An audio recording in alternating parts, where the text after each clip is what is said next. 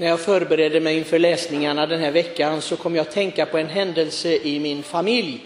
Och eh, det var släktingar som hade lånat en elvisp av andra släktingar. Men den här elvispen kom aldrig tillbaka. Och det fick vi höra varje gång man kom till det här paret så fick vi höra om den här förbaskade elvispen. Och till slut så sa jag, nu, nu får det vara nog med det här, sa jag till min farmor. Jag orkar inte höra om det längre, så jag köper en elvisp åt dem. Och, och, Nej, men det ska du inte göra, det är inte du som är skyldig. Jo, men jag gör det så slipper vi höra om den här elvispen mer. Och jag gjorde det, men de var inte dugg tacksamma. För de sa, men det är inte du som ska köpa den, det är inte du som har lånat den. Eh, och sa, rätt ska vara rätt. Men det som kom ut ur min mun, ur mitt hjärta, det var att säga till dem, jag hoppas inte Herren säger samma sak till er. Rätt ska vara rätt, för då blir det nog synd om er, sa jag. Så var det tyst, det blev aldrig tal om saken mer. Och jag tänkte det att de här människorna hade minsann, tror jag inte i alla fall, gjort vad rätt är rätt mot Gud. Att ge Gud vad Gud tillhör.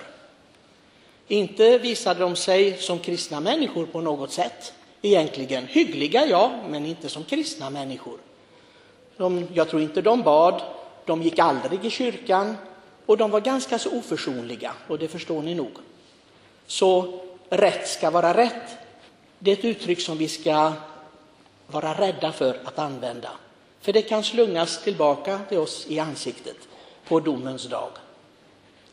Idag får vi höra om ett helt annat tankesätt, om ett helt annat sätt att vara, som jag skulle vilja säga är övernaturligt, inte det naturliga, det som vi tycker är naturligt. Att på något sätt, om de behandlar oss illa, ja då ska inte vi behandla dem väl. Eller om, liksom, om de är skyldiga någonting så ska de betala tillbaka. Det är den, så att säga, saken som vi tänker på att det här är rätt och det här är naturligt. Men Herren ställer oss på ett övernaturligt plan, på ett helt annan nivå. Och det är att vara som honom själv. Inte någon annan modell, ingen annan förebild än det livet han har levt. Denna kärlek utan begränsningar. Och Herren talar ju flera gånger om detta med att döma, hur farligt det är. Att vi ska aldrig döma någon. Vi vet inte vad som finns i den andra människans liv, vad den andra människan har upplevt. Så därför ska vi akta oss för det. Vi får ofta tänka på det här när vi har lite problem med en person som springer här lite då och då, ja nästan varje dag, och hittar på hyss. Och ibland så ger den här personen sig på andra också. Och då kan man ju, liksom, det är precis som Herren frestade liksom och tittade så här, vad finns i ditt hjärta egentligen? Hur, hur, vad känner du? Ibland springer jag efter den här personen med sopborste. Ja, Alltså, ibland blir jag, då, men så tänker jag, gå nu in och, och, och, be för den här personen. Be för att, för att den här personen blir befriad från det, för det måste ju vara ett lidande inom man, man, Om man är frisk så gör man inte som den här personen gör. Och att, att kunna förstå det, och jag förstår att Herren liksom då prövar mig och andra här i församlingen som blir utsatta för den här personen. Och Herren är smart alltså. Han, han, han, han, vill, han vill krafsa på den här andligheten. Vi tycker att vi är så andliga och präktiga och, och fromma kanske ibland. Och, och så säger han, nu ska vi skava bort det här, ska vi se vad som händer om jag tar bort det ena och det andra. Om jag gör att det inte är så fridfullt längre, får vi se om du har lugn där inne. Och så visar det sig att så är det inte. Att det är ganska så mycket ilska som kommer fram när man blir utsatt för det här. Och jag som redan är en, har häftigt temperament, jag, jag, faller hela tiden med det. Och då tänker jag, aj, aj, aj, aj, aj, aj. Ja, jag ska inte gå omkring och, och, och kalla mig ett helgon i alla fall, det, det förstår jag ju. Men eh, det är någonting att arbeta på och det, det är det som evangeliet går ut på, att vi ska arbeta på detta, det är en utmaning för oss. Och jag tror inte att det är någon här som vågar säga, nej men jag är färdig med det, jag, jag är en sån person, precis som det står i evangeliet. Jag kan inte tänka mig, för jag, jag har aldrig mött en sån person.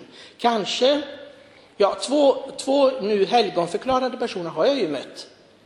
Helige Johannes Paulus II och heliga Teresa av Calcutta. De har jag mött flera gånger båda två. De, de, ja, jag vet inte. Men jag vet också att Johannes Paulus II blev arg en gång och det såg vi på tv på en flygplats i Sydamerika. Och där skällde han rejält åt en präst som, som ägnade sig åt fel saker. Så att han blev också arg, så det finns också en helig vrede. Och det ser vi Jesus i templet. Det var en helig vrede. Det var en vrede som handlade om att man inte gav Gud det som skulle ges till Gud, det vill säga den tillbedjan och vördnad som var rätt.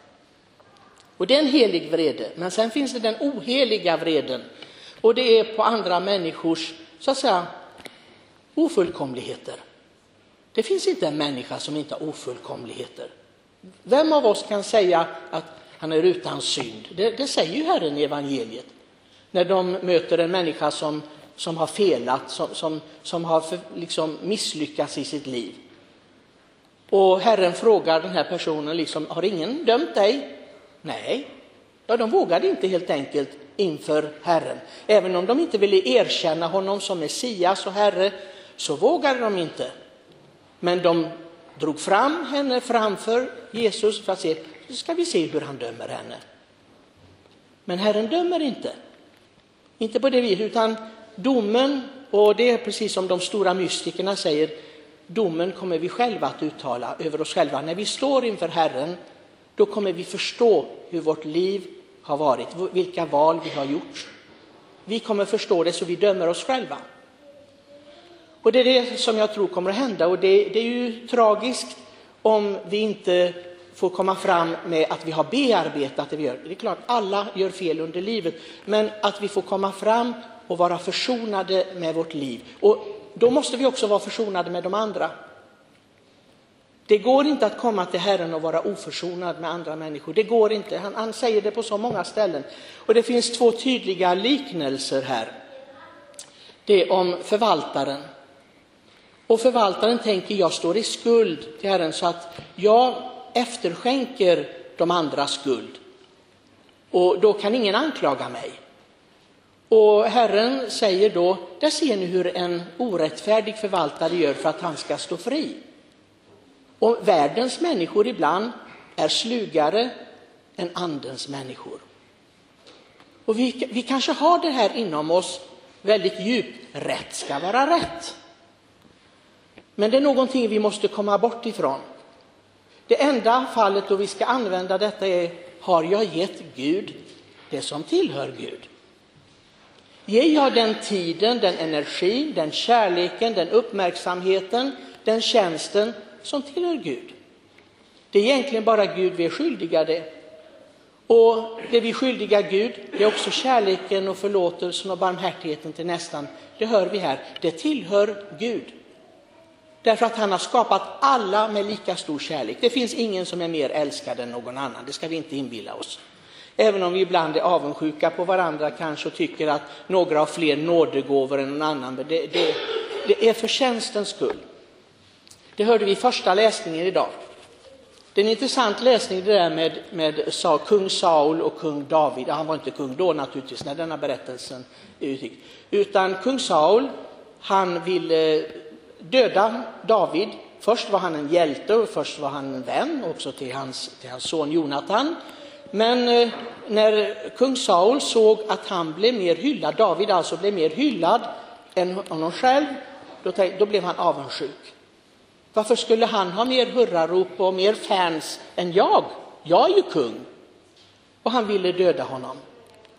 Men eh, David, som då till och med hade övertaget över Saul, han stod där och hade möjligheten att få honom dödad, men han gjorde det inte. Han hade respekt för Guds moder. Och jag, varje gång jag läser den här läsningen, för det gör vi flera gånger om året i tidebönerna också, så tänker jag på hur vi behandlar de andra som är Guds smorde. De smorda, det är alla som är döpta. De är Guds smorda. Sen finns det olika grader naturligtvis, prästvigning och så. Men eh, Guds smorda, det är alla som är döpta. Hur behandlar vi andra döpta först och främst? Är vi, är vi där och vill gärna sticka till dem med ett spjut och hämnas? Vem ska röra en Guds moder? Det är ett stort ansvar vi har mot varandra, vi som är döpta. Vi står med en annan värdighet än de som inte är döpta. Det ska vi veta. En andlig värdighet, inte mänsklig värdighet, men andlig värdighet. Och hur respekterar vi andra smorda, Herrens smorda? Är det en respekt och kärlek som tillkommer dem? För som David säger, det går inte ohämnat. Den som ger sig på Herrens mode, det hämnas. Och vi ska vara mycket, mycket försiktiga, särskilt när de gör med våra bröder och systrar som är smorda genom dopets sakrament. Särskilt ska vi ta vara på dem och vara älskvärda och försöka hjälpa och bära varandra, bära varandras bördor som Paulus uttrycker det. Så om vi tycker att jag kanske, jag kanske inte är så kärleksfull egentligen, jag tror att jag är det men jag kanske inte är det, ja då är det verkligen som jag brukar säga någonting som vi ska arbeta på. Det är verkligen någonting, så länge vi har möjligheten att förändra någonting, så länge vi lever, låt oss arbeta på det, inte ge upp. Den helige Ande är med oss. Det har biskopen sagt när vi konfirmerades. Ta emot inseglet på den helige Ande som blir given dig. Så det har vi en säkerhet att vi har, vi som är döpta och konfirmerade. Så låt oss använda denna gåva och bli det tempel som Herren vill. I Faderns och Sonens och den helige Andes namn.